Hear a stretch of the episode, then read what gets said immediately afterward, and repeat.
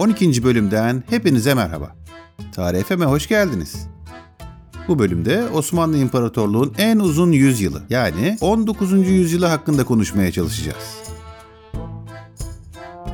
19. yüzyılın siyasi olaylarıyla ufak ufak başlayalım. Buyurun. Bu dönem 1792 yaş anlaşmasıyla başlıyor. 1922 saltanatın kaldırılmasıyla sona eriyor. Üçüncü Selim ile başlamadan önce dış politika ve iç politika hakkında bilgilendirme yapalım.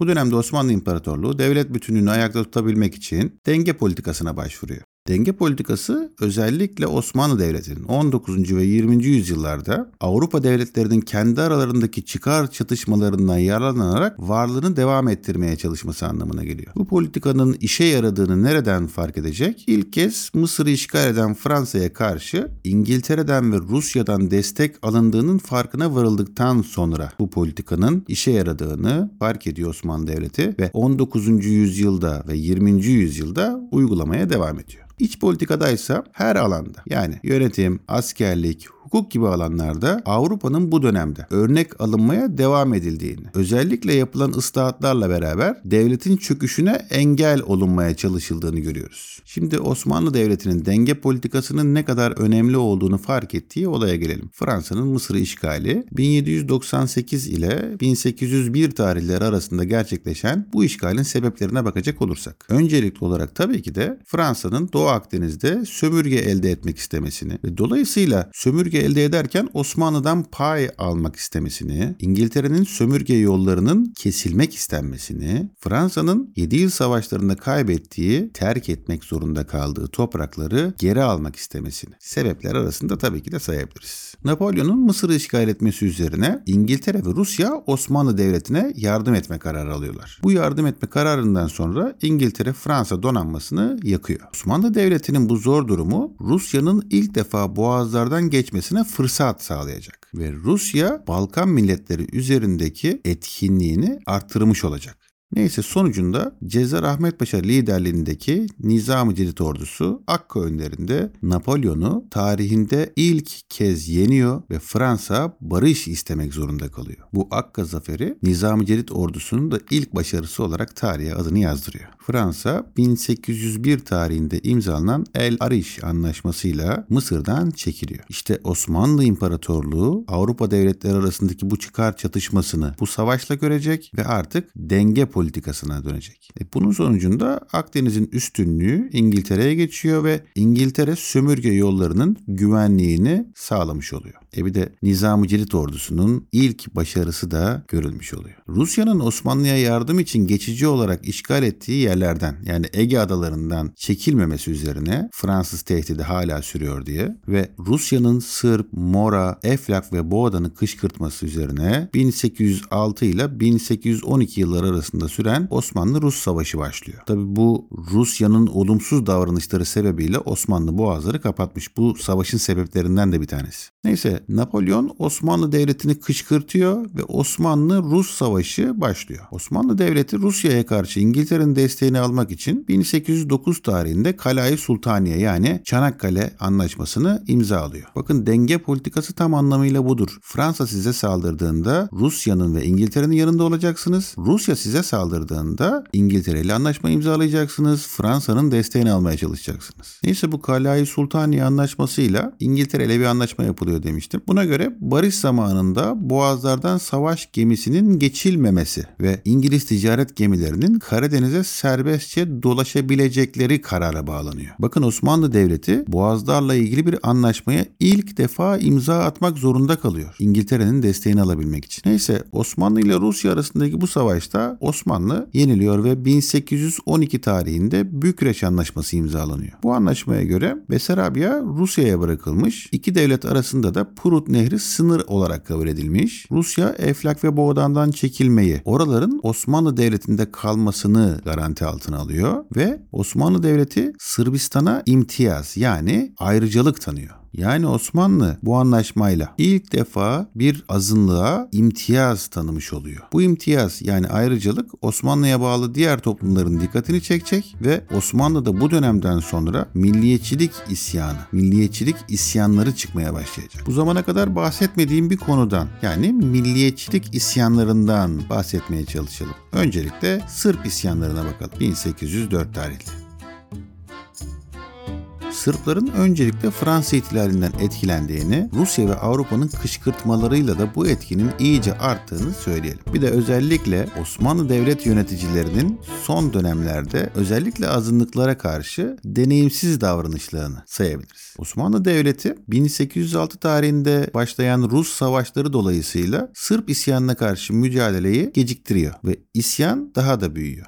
Bu isyan sonrasındaki süreçte 1812 tarihinde Bükreş Anlaşması'yla Sırplar imtiyaz kazanıyorlar. 1829 Edirne Anlaşması'yla Sırplara özellik veriliyor. Yani yarı bağımsızlık veriliyor. 1871 tarihinde de Berlin Anlaşması'yla Sırplar bağımsız oluyorlar. Yani Osmanlı Devleti'nde milliyetçilik düşüncesiyle bağımsızlık için çıkan ilk milliyetçi isyan Sırplara aittir diyoruz. Bunun sonrasında 1820 ile 1829 tarihleri arasında Yunan isyanı baş gösteriyor. Bu isyan isyan da Sırp isyanıyla aynı sebeplerle yani Fransız ihtilalinin etkisiyle, Osmanlı Devleti'nin güçsüzlüğüyle, Rusya'nın ve Batı'nın kışkırtmalarıyla çıkmış bir isyan. Ayrıca Rus çarının desteğiyle kurulan Etniki Eterya Cemiyeti'nin çalışmalarında Yunan isyanının sebepleri arasında saymak mümkün tabii ki. Osmanlı Devleti Yanya valisi Tepedelenli Ali Paşa'nın durumuyla uğraşırken ilk Yunan isyanı Eflak'ta başlıyor. Bu ilk çıkan isyan Osmanlı kuvvetleri tarafından bastırılıyor ama bu isyan sonrasında sırasında Mora'ya sıçrıyor. İngiltere, Fransa, Rusya Osmanlı Devleti'ne ultimatum veriyorlar ve Osmanlı Devleti'nden Yunanistan'a bağımsızlık vermesini istiyorlar. Dolayısıyla Osmanlı Devleti bu isteği reddediyor. Sonrasında İngiltere, Fransa, Rus donanmaları Navarin'de Osmanlı donanmasını yakıyorlar. Osmanlı Devleti de doğal olarak gemileri için yakılan gemileri için tazminat istiyor. Osmanlı'nın tazminat istemesi üzerine Fransa Mora'ya, İngiltere'de İskenderiye'ye asker çıkartıyor ve buraları işgal ediyor. Tabi Rusya boş kalır mı? O da Osmanlı Devleti'ne savaş ilan ediyor. Yapılan bu savaşta Osmanlı Devleti mağlup oluyor, yeniliyor ve 1829 tarihinde Edirne Anlaşması imzalanıyor. Bu Edirne Anlaşması'na göre Yunanistan'a bağımsızlık verilmiş. Sırbistan özerklik yani yarı bağımsızlık seviyesine yükselmiş. Eflak ve Boğdan'a da imtiyaz verilmiş. Bakın görüyor musunuz gelişmeleri? Yine Edirne Anlaşması'yla Osmanlı Devleti Rusya'ya savaş tazminatı ödemeyi kabul ediyor. Rus ticaret gemilerinin boğazlardan serbestçe geçmesini sağlıyor. Ve Prut Nehri Osmanlı ile Rusya arasında sınır olarak kabul ediliyor. O zaman diyebiliriz ki Yunanların milliyetçilik isyanı Osmanlı tarihinde ilk kez başarıyla sonuçlanan milliyetçilik isyanı olarak tarihe kazınmış. Başarıyla sonuçlanan diyorum çünkü Yunanistan bağımsız oluyor. E bu bağımsızlık sonucunda diğer milletler Yunanistan'ı örnek alacaklar anlamına geliyor. Bu savaşın kaybedilmesinde ayrıca Yeniçeri Ocağı'nın kaldırılmasında etkisi olduğu savunulabilir tabii ki. Yeniçeri Ocağı kaldırıldıktan hemen sonra kurulamıyor yeni ordu. Dolayısıyla bu savaş denk geliyor ve ordusuz bir şekilde neredeyse en azından devletin ana ordusu olan Yeniçerilerin desteğinin eksik olduğunu görüyoruz. Mora'nın kaybedilmesi de biraz sonra bahsedeceğim. Mısır valisi Mehmet Ali Paşa'nın da isyan etmesine ortam sağlıyor. 1827-1829 Osmanlı-Rus Savaşı Savaşı'nın hemen ertesinde 1830 tarihinde Fransa'da Cezayir'i işgal ediyor. Cezayir Osmanlı Devleti'nin Kuzey Afrika'da kaybettiği ilk toprak olarak tarihe yazılmış. Cezayir'in kaybedilmesiyle beraber de Osmanlı'nın Fas ile ilişkileri kesilmiş. Yani ne demek? Fas'ı da yakın zamanda kaybedeceğiz anlamına geliyor. Şimdi de Mora isyanının bastırılması karşılığında Mora valiliği verilecek diye söylenmişti Mehmet Ali Paşa'ya. Mehmet Ali Paşa'nın isyanıyla oluşan Mısır sorununa biraz biraz göz atalım. Mehmet Ali Paşa Fransa'nın desteğiyle kendine ordu kuruyor ve Osmanlı Devleti'nden bağımsız hareket etmeyi çok seviyor. Ve özellikle Yunan isyanını bahane ederek Yunan isyanında Osmanlı'ya yardım ettik ama o bize vaat ettiği şeyleri vermedi diyerek Suriye taraflarını da kendine bağlıyor. Mehmet Ali Paşa'nın oğlu da İbrahim Paşa Osmanlı ordularını yeniyor ve Kütahya'ya kadar ilerliyor. Osmanlı Devleti kendi valisine karşı İngiltere ve Fransa'dan yardım istiyor. Geliyor. Ama bu yardım karşılıksız kalınca Rusya'dan yardım geliyor. Ya da Rusya'dan yardım istemek zorunda kalıyor diyeyim. İşte denize düşen yılana sarılır kelimesinin aslı. Sonucunda Rusya'dan yardım isteği karşılık buluyor ve Rus donanmaları boğazlara kadar yaklaşınca İngiltere ile Fransa arabuluculuk kurarak 1833 tarihinde Osmanlı ile Mısır valisi Mehmet Ali Paşa arasında Kütahya Anlaşması'nı imzalatıyorlar. Bu anlaşmaya göre Mehmet Ali Paşa'ya Mısır ve Girit'in yanında Suriye valiliği de veriliyor. Oğlu İbrahim Paşa'ya da Cidde'nin yanında Adana valiliği veriliyor. Yani Kütahya Anlaşması ile iç sorun olan Mısır meselesi diğer devletlerin katılmasıyla dış sorun haline geliyor ya da getiriliyor. Mehmet Ali Paşa'nın tehdidi hala sürdüğü için Rusya ile de 1833 tarihinde Hünkar İskelesi Anlaşması Osmanlı ile imzalanıyor. Buna göre Osmanlı Devleti saldırıya uğrarsa Rusya Osmanlı Devleti'ne yardım edecek. Rusya saldırıya uğrarsa Osmanlı Devleti boğazları kapatacak ve anlaşma 8 yıl geçerli olacak. Bu ne demek biliyor musunuz? Boğazlar meselesi artık uluslararası bir problem haline gelmiştir demek. Çünkü boğazlarla beraber Rusya'nın Karadeniz'deki güvenliğinin arttığını, İngiltere ve Fransa'nın da çıkarlarının tehlikeye girdiğini söylemek mümkün. Osmanlı Devleti tarafından da bakarsak Osmanlı'nın boğazlar üzerindeki egemenliğini tek başına kullandığı son antlaşma Hünkar İskelesi olarak tarihe yazılmış. Şimdi Rus desteğini sağladı. E diğer devletlerle de destek anlaşması yapması lazım. İngiltere'nin de desteğini sağlamak için 1838'de Balta Limanı Ticaret Antlaşması imzalıyor İngiltere ile. Bu anlaşmayla İngiltere'ye Osmanlı üzerinde gümrük indirimi getiriliyor. Sonrasında 1833 Kütahya Anlaşması'ndan memnun olmayan Mehmet Ali Paşa Nizip'te Osmanlı kuvvetlerini yeniyor 1839 tarihinde ve olay iyice büyüyor. Bu büyüyen olay karşılığında İngiltere, Rusya, Prusya, Avusturya, Osmanlı ve Mehmet Ali Paşa arasında 1840 tarihinde Londra Anlaşması imzalanıyor ve Mısır meselesi kapanıyor. Nasıl kapanıyor? Bu anlaşmaya göre deniliyor ki Mısır Osmanlı Devleti'ne bağlı kalacak ama yönetimini Mehmet Ali Paşa ve oğulları yapacak. Mehmet Ali Paşa Suriye, Adana, Cidde, Girit'i ve Osmanlı donanmasını el koyduğu Osmanlı donanmasını geri verecek. Ayrıca Mehmet Ali Paşa Osmanlı'ya yılda 80 bin altın vergi verecek. Bu 1840 tarihindeki Londra Anlaşması'ndan hemen sonra İngiltere, Fransa, Rusya, Prusya, Avusturya ve Osmanlı Devleti arasında 1841 tarihli Londra Boğazlar Sözleşmesi imzalanıyor. Buna göre Boğazlar Osmanlı hakimiyetinde kalıyor. Ama barış döneminde Boğazlardan savaş gemisinin geçilmesi yasaklanıyor. Bu ne anlama geliyor? Rusya Hünkar İskelesi Anlaşması'yla Boğazlar konusunda elde ettiği üstünlüğü Londra Boğazlar Sözleşmesi ile kaybetti anlamına geliyor. Ve şimdi bakın İngiltere, Fransa, Rusya, Prusya, Avusturya ve Osmanlı arasında yapılan bir anlaşmadan bahsediyor. Yani boğazlar artık uluslararası statüye kavuşmuş bir şekilde hayatına devam edecek. E Londra Boğazlar Sözleşmesi'nden en karlı çıkan devletin de İngiltere olduğunu söylememe sanırım gerek yok. Rusya boğazlar konusunda huzursuz olsa da İngiltere'ye Osmanlı topraklarını paylaşmayı teklif ediyor ama İngiltere tarafından bu teklif reddediliyor. Ayrıca Hristiyanlar için kutsal sayılan yerler konusunda Rusya problem çıkartmaya başlıyor. Sonucunda Rusya Osmanlı donanmasını Sinop'ta yakarak bir başlangıç daha yapmaya çalışıyor.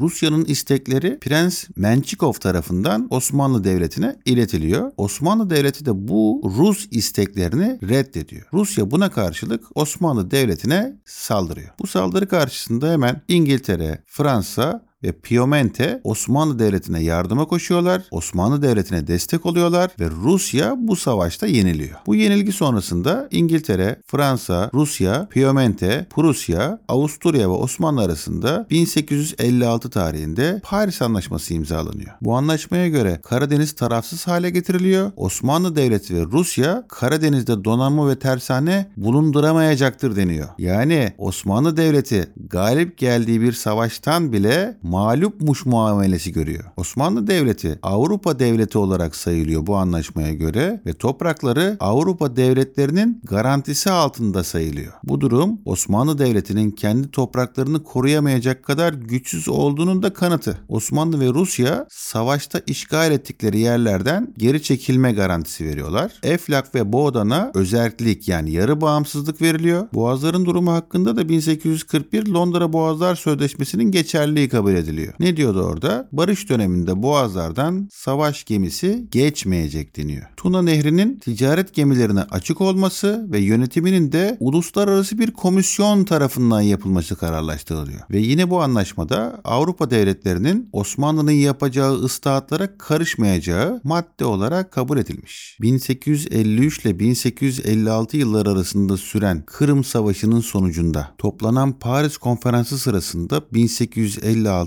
ıslahat fermanı hazırlanıyor Osmanlı'da ve Paris Anlaşması'nın maddesi olarak ıslahat fermanı uluslararası bir anlaşmaya konu ediliyor. Islahat fermanı uluslararası bir antlaşmanın maddesi olarak karşımıza çıkıyor. Yani Osmanlı Devleti kendi yaptığı bir fermanı uluslararası antlaşmanın içerisine katmış oluyor. Bu 1856 Paris Anlaşması'yla Rusya Küçük Kaynarca ve Edirne Anlaşması'nda elde ettiği hakları kaybetmiş hale geliyor. Ama yine de ne olursa olsun Paris Anlaşması'nın Osmanlı Devleti'nin 19. yüzyıldaki en karlı anlaşması olduğunu da söyleyebiliriz tabii ki. Ayrıca belirtmek gerekir ki Kırım Savaşı sırasında Osmanlı Devleti ilk defa İngiltere'den dış borç alıyor. 1854 tarihinde Abdülmecit zamanına denk gelmiş ve savaşa katılmadığı halde Paris Anlaşması'nda imzası olan devlet de Prusya. İleriki dönemde Almanya olarak karşımıza çıkacak. Şimdi gelelim Erzurum Aziziye tabiyasında Osmanlı askerlerine moral motivasyon konusunda da savaşın kazanılmasında da çok önemli etkisi olan Nene Hatun'un da katıldığı 93 Harbi'ne.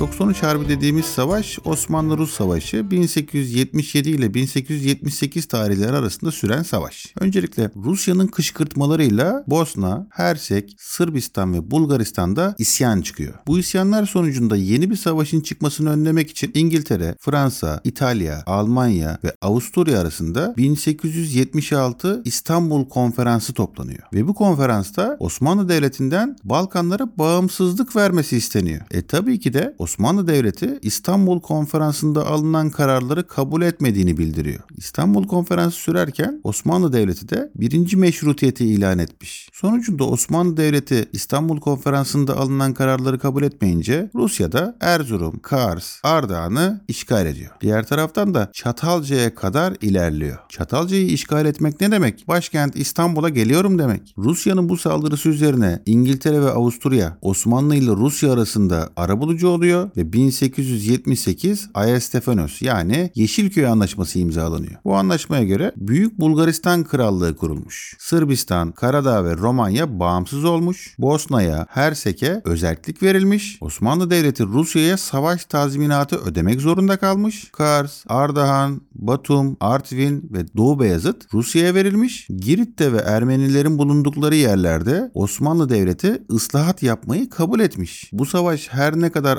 Avrupa devletlerinin tümünün bilgisi dahilinde gerçekleşse de Ayestefanos Anlaşması ile Rusya'nın güçlenmesi Avrupa devletleri arasında tedirginliğe yol açıyor. Ve Ayestefanos Anlaşması imzalandığı halde uygulanamayacak ve rafa kaldırılacak. Bunun sonucunda İngiltere, Fransa, Rusya, Almanya, İtalya, Avusturya ve Osmanlı arasında 1878 tarihinde Berlin Anlaşması imzalanıyor. Bu anlaşmaya göre Bulgaristan yine 3'e ayrılıyor ama Osmanlı'ya bağlı kalıyor. Doğu Beyazıt Osmanlı'da kalıyor. Osmanlı'nın da Rusya'ya ödeyeceği tazminat arttırılıyor. Ayasstefanos Anlaşması'ndaki diğer maddeler de Berlin Anlaşması'na aynen eklenmiş. Bu anlaşmayla Rusya ilk defa Anadolu'dan toprak kazanmış oluyor. Bu anlaşmadan önceki Ayasstefanos Anlaşması'nın maddesinde ne diyordu? Girit ve Ermenilerin bulunduğu yerlerde ıslahat yapılacak deniyordu. E bu madde aynen kabul edildiğine göre Ermeni meselesi ilk defa uluslararası bir sorun haline gelmiş etmiştir diyebiliriz. Bu anlaşmayı imzalayan Osmanlı Devleti Almanya ile ister istemez yakınlaşmak zorunda kalıyor. Yine bu dönemden sonra Kıbrıs İngiltere'ye üs olarak bırakılmış. İngiltere'nin meşhur şark politikası yani doğu politikası Osmanlı aleyhine bu anlaşmayla dönmüş. Yine 93 Harbi sırasında yaşanan katliamlar sonucunda ilk defa Balkanlardan Anadolu'ya göçler yaşanıyor. Bir de Ayastefanos Anlaşması uygulanamaması bakımından Türk tarihindeki ileriki dönemde bahsedeceğim bundan Sevr Anlaşması'na benziyor. Çünkü Sevr Anlaşması da uygulanamadı. Ayastefanos ve Berlin Anlaşmalarından sonra Girit Rumlarına verilen imtiyaz fermanına da Halepe Fermanı ismi verilmiş. 1878 Halepe Fermanı'na göre Girit özerk olarak kabul ediliyor. Girit'te resmi dil Rumca olarak kabul ediliyor ve Rumlara vergi muafiyeti veriliyor. Halepe Fermanı'ndan sonraki süreçte Yunanistan'ın kışkırtmaları sonucunda Girit'te isyan çıkıyor ve Yunanistan bölgeye asker çıkartıyor. Osmanlı kuvvetleri Yunanistan kuvvetlerini Dömeke Meydan Savaşı'nda 1897 tarihinde yeniyorlar. Dömeke Meydan Savaşı'ndan hemen sonra Osmanlı askerleri Atina'ya yönelince batılı devletler arabulucu oluyor ve 1897 tarihinde İstanbul Anlaşması imzalanıyor. Bu anlaşmaya göre taraflar savaş öncesindeki sınırlarına geri çekiliyorlar. Girit'in özerk olarak kalması devam ediyor ama Girit'i Rum vali yönetecektir maddesi yer alıyor. Girit'te yaşayan Rumların da vergi muafiyetlerinin devam etmesi kararlaştırılıyor. 19. yüzyıldaki siyasi iklimi kokladığımıza göre biraz da 19. yüzyıl ıslahatlarını yani bu dönemde yapılan yeniliklere göz atalım. Öncelikle 2. Mahmut dönemindeki ıslahatlarla başlayalım isterseniz. 1807 ile 1839 tarihleri arasında hükümdarlık yapmış olan 2. Mahmut'un ilk önemli ıslahatı 1808 tarihindeki Senedi İttifak olmuş. Bu Senedi İttifak 2. Mahmut ile ayanlar yani halkın ileri gelenler arasında imzalanmış bir belge. Bu belgeyle padişahın otoritesi yani yetkileri ilk defa sınırlandırılmış oluyor. Bu Senedi İttifak belgesi Avrupa'da kralların yetkilerinin ilk defa sınırlandırıldığı Magna Carta'ya benziyor. Magna Carta nerede yapılmıştı? İngiltere'de 1215 tarihinde. Osmanlı tarihinde Senedi İttifak'ın önemi büyük. İkinci Mahmut döneminde yapılan askeri alandaki ıslahatlara baktığımızda ilk olarak 3. Selim döneminde kurulan Nizam-ı Celid ordusunun yerine Sekban-ı Celid ordusunun kurulduğunu görürüz. Bu ordu Yeniçerilerin isteğiyle kaldırılan bir ordu. Sonrasında Yeniçeri Ocağı'nın bir kısmından Eşkinci Ocağı denilen bir ordu birimi kuruluyor. Bu ordu da Yeniçeri Ocağı'nın isteğiyle kaldırılmak zorunda kalıyor. Sonucunda 1826 tarihinde Yeniçeri Ocağı kaldırılmış. Yeniçeri Ocağı'nın kaldırılma ismine Vakayı Hayriye diyoruz. Hayırlı vaka, hayırlı olay. Yeniçeri Ocağı'nın kaldırılmasıyla yeniliklerin önünde sürekli engel olarak kabul edilen bir kurum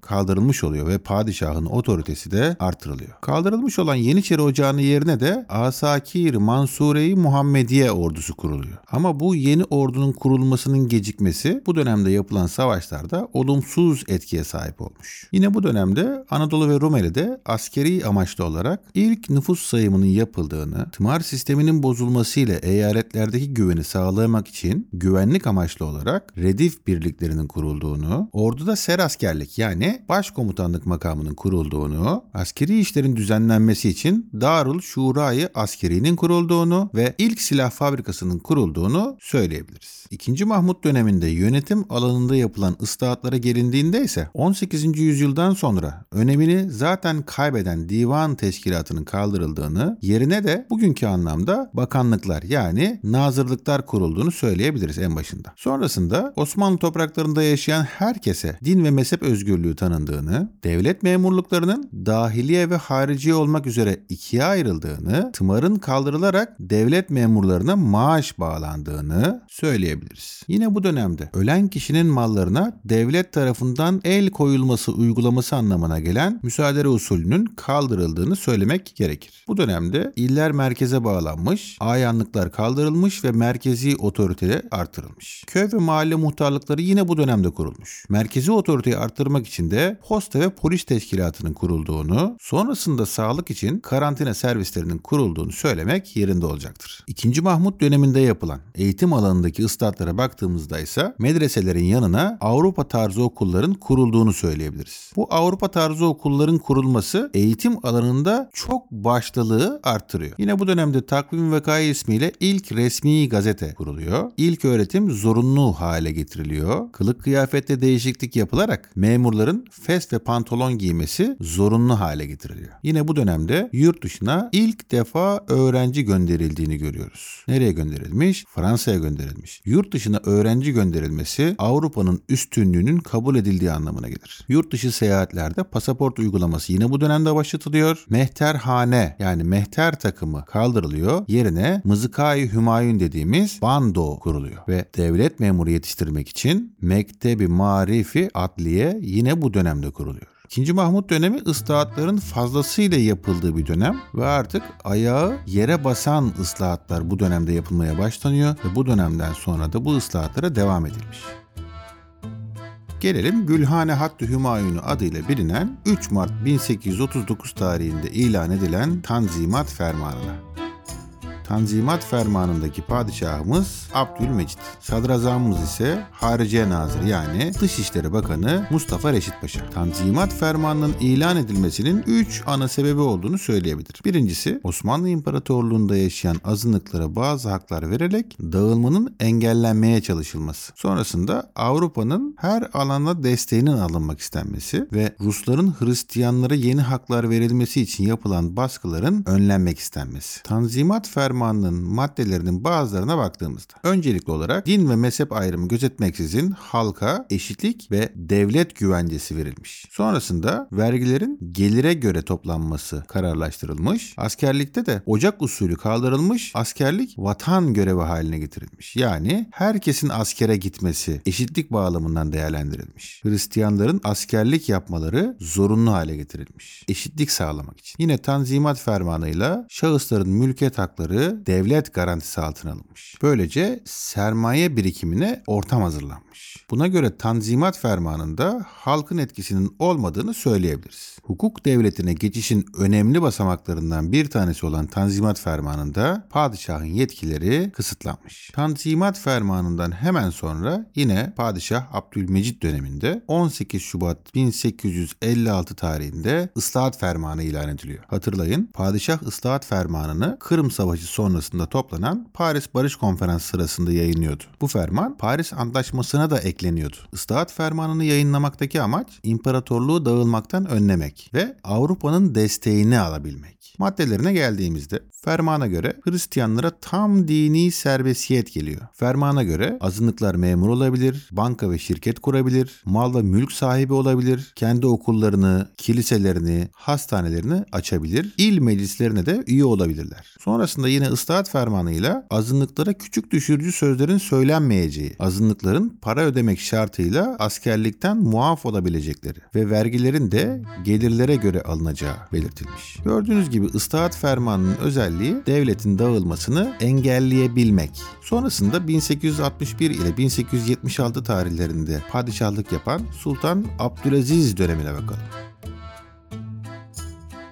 Sultan Abdülaziz ilk defa yurt dışına çıkan Osmanlı padişahı olarak dikkat çekiyor. Bu dönemde 1864 tarihinde Vilayet Nizamnamesi yayınlanıyor. Çiftçileri desteklemek amacıyla memleket sandıkları adıyla bir bütçe ayrılıyor. Bu memleket sandıkları Ziraat Bankası'nın temelini oluşturacak ileride. Din ve ticaret konuları dışında kalan hukuk ve cinayet davalarına bakmaları için de 1864 tarihinde Nizamiye Mahkemeleri bu dönemde kuruluyor. 1869'da ise Marifi Umumiye Nizamnamesi yayınlanıyor. İlk Osmanlı Medeni Kanunu olan Mecelle ilan ediliyor. Diğer ismi Mecelle-i Ahkamı Adliye. Şimdi gelelim Osmanlı İmparatorluğu'nu dağılmaktan kurtarma düşüncelerine. Öncelikle 1. Meşrutiyet döneminde benimsenen Osmanlıcılık düşüncesiyle başlayalım. Tanzimat döneminin sonlarında bazı Osmanlı aydınları Genç Osmanlılar ya da diğer adıyla Jön Türkler adıyla bir cemiyet kuruyorlar. Ve bu cemiyet birinci meşrutiyetin ilan edilmesinde etkili olduğu gibi Osmanlıcılık düşüncesinin de savunulduğu cemiyet. Osmanlıcılık düşüncesine göre imparatorluğun sınırlarındaki kim olursa olsun herkes din, dil, ırk, mezhep ayrımı gözütmeksizin eşit kabul ediliyor. Bu düşüncenin iyi niyetli olarak azınlık isyanlarının önlenmesini, imparatorluğun parçalanmasını engellemek için savunulduğunu söyleyebiliriz. Osmanlıcılık fikri milliyetçilik akımının yayılması ile zayıflıyor ve Balkan savaşlarında Balkan milletlerinin Osmanlı İmparatorluğundan ayrılmasıyla de bu düşünceden vazgeçiliyor. Osmanlıcılık fikrinin öne çıkan isimleri Mithat Paşa, Genç Osmanlılar Derneği, Ziya Paşa, Ali Suavi, Agah Efendi ve Ahmet Mithat olarak karşımıza çıkmışlar. Osmanlıcılık düşüncesinden sonra imparatorluğun dağılmasını engellemek için İslamcılık yani ümmetçilik diğer ismiyle pan-İslamizm politikası gündeme geliyor. Bu İslamcılık düşüncesi 2. Abdülhamit'in istibdat döneminde özellikle uygulanmaya çalışılmış. İslamcılığa göre Müslümanlar halifelik kurumu altında birleştirilecekti ve devlet dağılmaktan kurtarılacaktı. 2. Abdülhamit Han İngiltere ve Rusya hakimiyetindeki Müslümanları Osmanlı lehinde birleştirme düşüncesini bu fikir ile ile istibdat döneminde devlet politikası haline getirerek çözmeye çalışıyor. İslamcılık politikasının da Mehmet Akif, İsmail Fenni, Said Halim Paşa ve İskilipli Mehmet Atıf tarafından savunulduğunu söyleyebiliriz. İslamcılık yani ümmetçilik düşüncesinden de Birinci Dünya Savaşı'nda Araplar Osmanlı'ya karşı isyan ederek Osmanlı'dan ayrılınca bu düşünceden vazgeçiliyor. İttihat ve Terakki Partisi tarafından bütün Türklerin bir bayrak altında toplanması amacıyla savunulan düşünce Türkçülük, diğer adıyla Turancılık ya da Pan-Türkizm dediğimiz düşünce ikinci meşrutiyet döneminde uygulamaya konulmuş. Türkçülük düşüncesini Ziya Gökalp,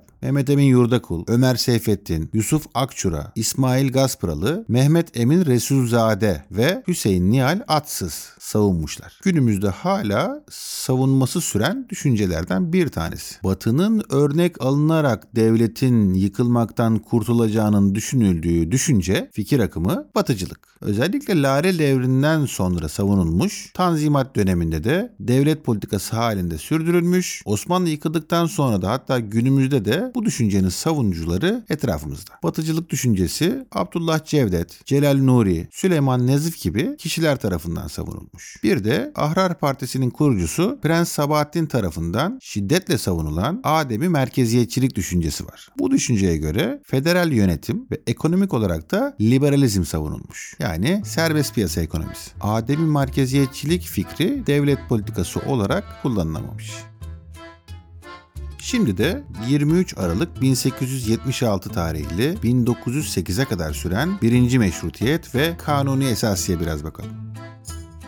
Birinci meşrutiyetin ilan edilmesinde etkili olan grup Genç Osmanlılar adıyla bildiğimiz Jön Türkler. Jön Türklerin yani Genç Osmanlıların desteğiyle Sultan Abdülaziz tahttan indiriliyor, yerine 2. Abdülhamit Han tahta getiriliyor ve halkın temsilcileriyle padişahın beraber devlet yönetmesi anlamına gelen meşrutiyet ilan ediliyor. Meşrutiyetin ilan edilmesinde imparatorluğun dağılmasını engellemek, azınlıkların isyan etmesini engellemek ve İstanbul yani Tersane Konferansı'nda Avrupa devletlerinin Osmanlı aleyhine bir karar almalarını engelleyebilmek amaçları güdülmüş. Tam da bu İstanbul yani Tersane Konferansı'nın toplandığı günlerde Mithat Paşa'nın gayretleriyle 2. Abdülhamit kanunu esasiyi yani Osmanlı Anayasası'nı ilan ediyor. Buna göre Osmanlı Meclisi Ayan Meclisi yani padişah tarafından ömür boyu seçilen üyeler ve Mebusan Meclisi yani halk tarafından 4 yıl için seçilen üyelerden oluşacak. Saltanat ve hilafet Osmanoğullarının en büyük erkek evladına ait olacak. Yani bakın monarşik yapı hala sürdürülmeye çalışılmış. Yürütme yetkisi padişahın başında olduğu bakanlar kurulu yani heyeti fükela tarafından yapılacak. Yine kanuni esasiye göre devletin dini İslam, yasalar İslam'a aykırı olamayacak.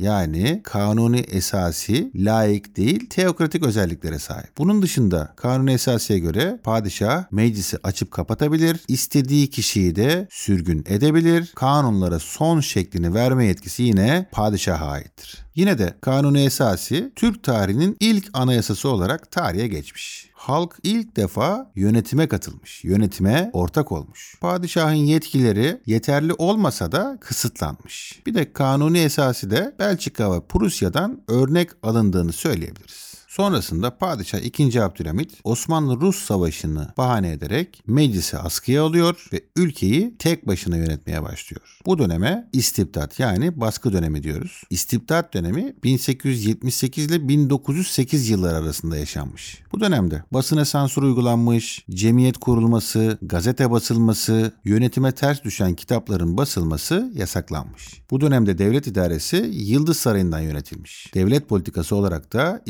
İslamcılık yani ümmetçilik uygulanmış. Bu dönemde ilk defa özürlü okullar açılıyor. Sanayi nefise, ticaret, hukuk, mühendislik mektepleri açılıyor. Darülfünun'un ismi İstanbul Darülfünunu adını alıyor. 20 Aralık 1881 tarihinde Muharrem kararnamesi imzalanıyor ve buna göre Avrupalılar Duyunu Umumiye İdaresini yani dış borçlar idaresini kuruyorlar. Yani devlet bu dönemde dış borçlarını ödeyemeyecek dereceye gelmiş. Ermeni faaliyetlerine engel olmak, Doğu Anadolu'da otoriteyi artırmak için Hamidiye alayları yine bu dönemde kuruluyor. Sultan Abdülaziz tarafından hazırlanan mecelle yürürlüğe konuluyor. Tanzimat döneminde çiftçilere kredi sağlamak için açılan memleket sandıkları Ziraat Bankası'na dönüştürülüyor. Tarih 1888. Bir de Berlin Bağdat Demiryolu 2B dediğimiz hat Alman şirketlerine ihale ediliyor. İlk tramvay hatları da yine bu dönemde kuruluyor. Yapılan baskılar sonucunda 2. Abdülhamit Han ikinci meşrutiyeti ilan etmek zorunda kalıyor ve yeni bir dönem başlıyor.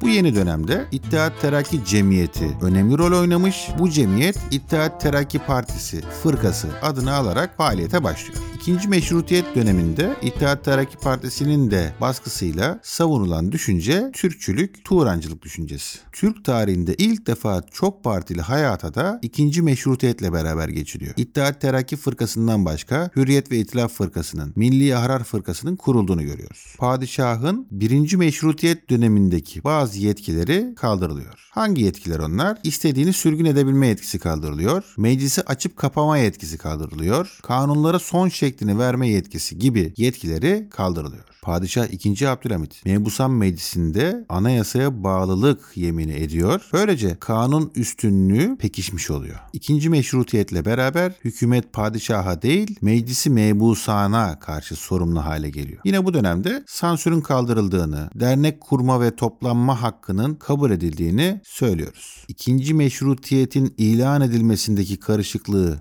fırsat bilen Bulgaristan bağımsız oluyor. Avusturya Macaristan İmparatorluğu da Bosna Hersek'i topraklarına katıyor. Girit Rumları da Yunanistan'a bağlı olduklarını resmen açıklıyorlar. Devlet bu iç ve dış karışıklıklarla uğraşırken meşrutiyet rejimine karşı İstanbul'da 31 Mart isyanı dediğimiz isyan çıkıyor. Tarih 13 Nisan 1909. Bu 31 Mart isyanını Mahmut Şevket Paşa'nın komutasındaki hareket ordusu bastırmış. 2. Abdülhamit bunun sonucunda tahttan indiriliyor. Yerine 5. Mehmet Reşat tahta getiriliyor. 31 Mart isyanı Türk tarihinde rejime karşı düzenlenen ilk isyan olarak tarihe geçmiş.